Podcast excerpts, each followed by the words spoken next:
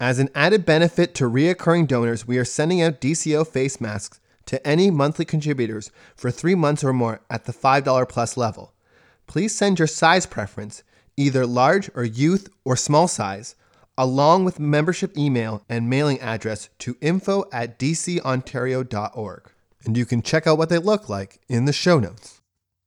This podcast was specifically created for Distress and Crisis Ontario organizations and their volunteer responders to provide training and educational assistance on a variety of topics. As information evolves and changes, these podcasts are meant to offer ongoing support with the goal of updating them on an ongoing basis. We thank the volunteer responders and the contributors to this podcast. Please visit our website, dcontario.org, for more information and how to access free mental health services. Thank you.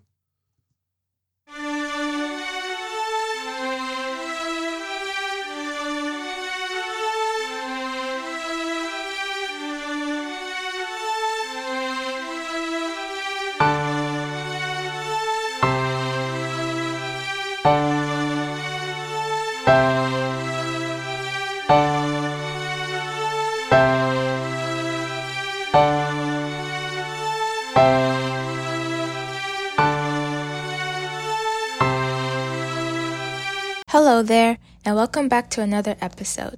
My name is Brenda, and I am a BSW student completing my placement with DCO, and I'll be your host for this week. In today's episode, I will be giving an update on the reopening of the province, the vaccines, and reopening anxiety. I would like to make a disclaimer that this podcast was recorded on June 5th. With that being said, it's important to know that any of the information shared in this podcast is subject to changes.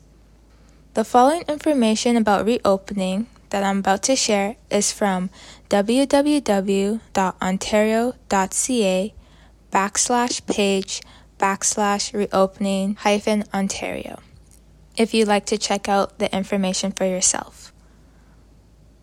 For moving through the steps, there are three different steps for reopening. The province will remain at each step for at least 21 days to evaluate any impacts on key public health and health system indicators. At the end of the 21 days, there will be an, evaluation of vaccination rates and looking out for positive trends in other key public health and health system indicators. If trends in key public health and health systems indicators are positive, the province will move to the next step two weeks after the following vaccination thresholds have been met. And these are in step one, having 60% of adults vaccinated with one dose. In step two, 70% of adults vaccinated with one dose and 20% vaccinated with two doses. And in step three, would involve 70 to 80% of adults vaccinated with one dose and 25% vaccinated with two doses. Based on current trends and key health indicators, including the provincial vaccination rate, we are expected to enter step one of the roadmap the week of June 14, 2021. The government will confirm closer to the expected start of step one.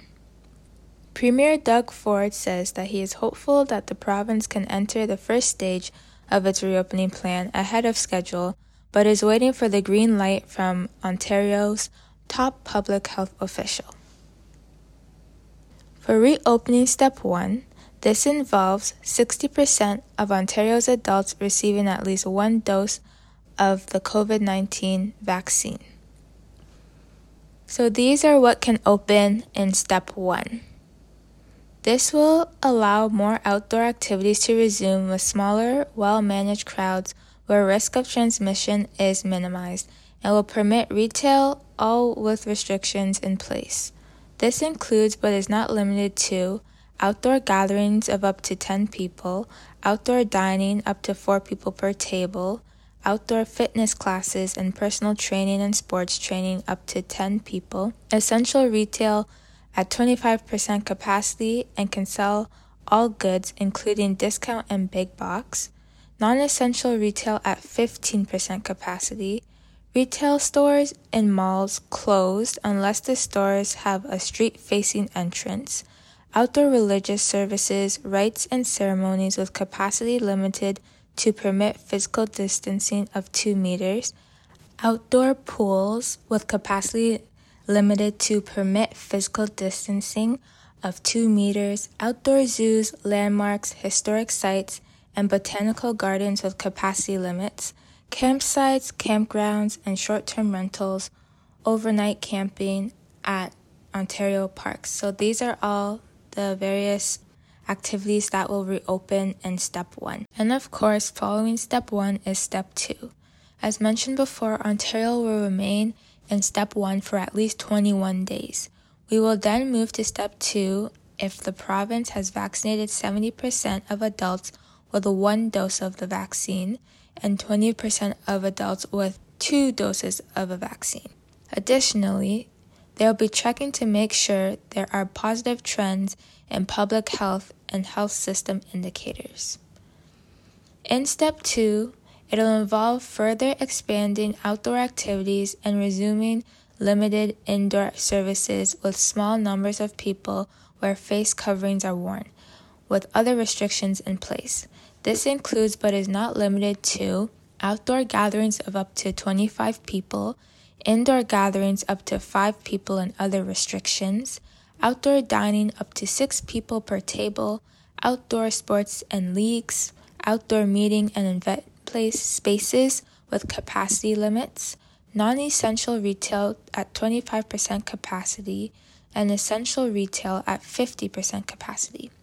Also, personal care services where face coverings can be worn at all times with capacity limits, outdoor cinemas and performing arts with capacity limits, indoor religious services, rites, or ceremonies at 15% capacity, public libraries with capacity limits, outdoor water parks and amusement parks with capacity limits, and overnight camps and fairs in rural exhibitions with capacity limits. And those are all the events that will be opening up in step two.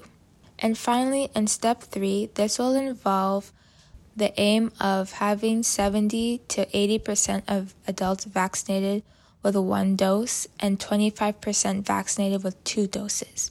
Step 3 will allow indoor services to resume with larger numbers of people with restrictions in place. This includes but is not limited to outdoor gatherings with larger capacity limits, indoor gatherings with larger capacity limits and other restrictions, indoor dining with capacity limits, indoor sports and recreational fitness facilities with capacity limits, indoor meeting and event spaces with capacity limits, essential and non essential retail with capacity expanded, personal care services with capacity expanded, and some other restrictions indoor cinemas and performing arts with capacity limits, and other outdoor activities from step two permitted to operate indoors.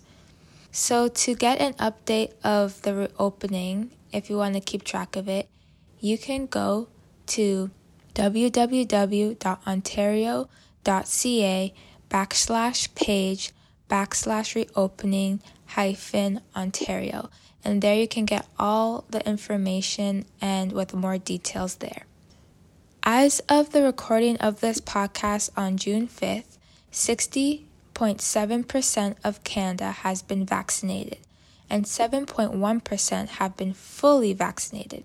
In Ontario specifically, 60.2 has been vaccinated and 6.5% of Ontarians have been fully vaccinated and 68.6% of eligible Ontarians 12 and up have been vaccinated.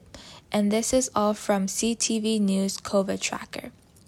If you're interested in keeping track of vaccinations across Canada, visit covid19tracker.ca. And that's C O V I D 1 9 T R A C K E R dot C A.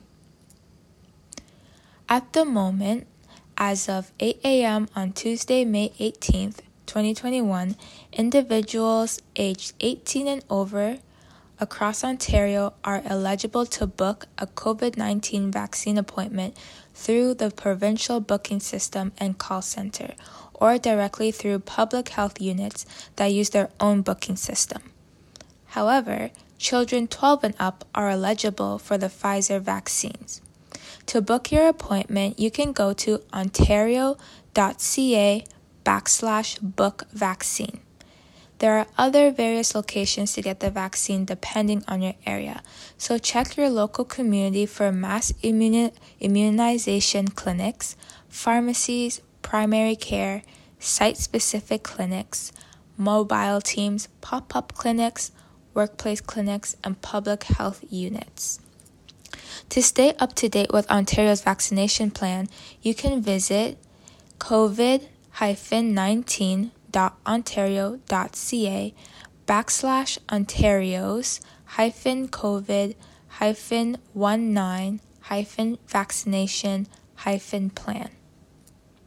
Even with the vaccines, we still need to continue following the safety guidelines, such as traveling only if it's essential and isolate for 14 days if you do. Stay home, save lives, and don't put others at risk. Practice physical distancing, which means stay 2 meters away from anyone who is not in your household. Wash your hands with soap and water thoroughly and often. A good amount of time to wash your hands for is the amount of time it takes you to sing the alphabet or happy birthday.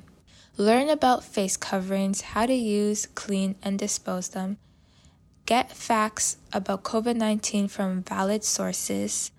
And get sector specific resources to prevent COVID 19. And this means being aware of your workplace guidelines.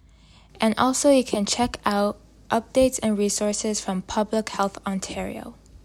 With more people getting vaccinated and the province starting to open up again, it is normal to feel some level of anxiety. A survey shared in an article by CTV News reported that 52% of Canadians feel anxious about returning back to normal after COVID 19. So don't worry, it's so normal that there is a term for this anxiety and it's called reopening anxiety. According to mywellbeing.com, reopening anxiety is stress about the uncertainty of the future, fears about how to adapt to new changes like wearing masks in the workplace, or being exposed to situations where you might feel unsafe, or reluctance to engage in pre pandemic activities because you've been feeling more security or comfort in lockdown life. If you are feeling anxious, don't hesitate to speak to someone like trusted friends and family, a mental health professional, or even calling a distress center such as DCO. To find a DCO near you, visit the DCO website, dcontario.org. You can also implement these practices as well. Have compassion for yourself. Take things one activity at a time.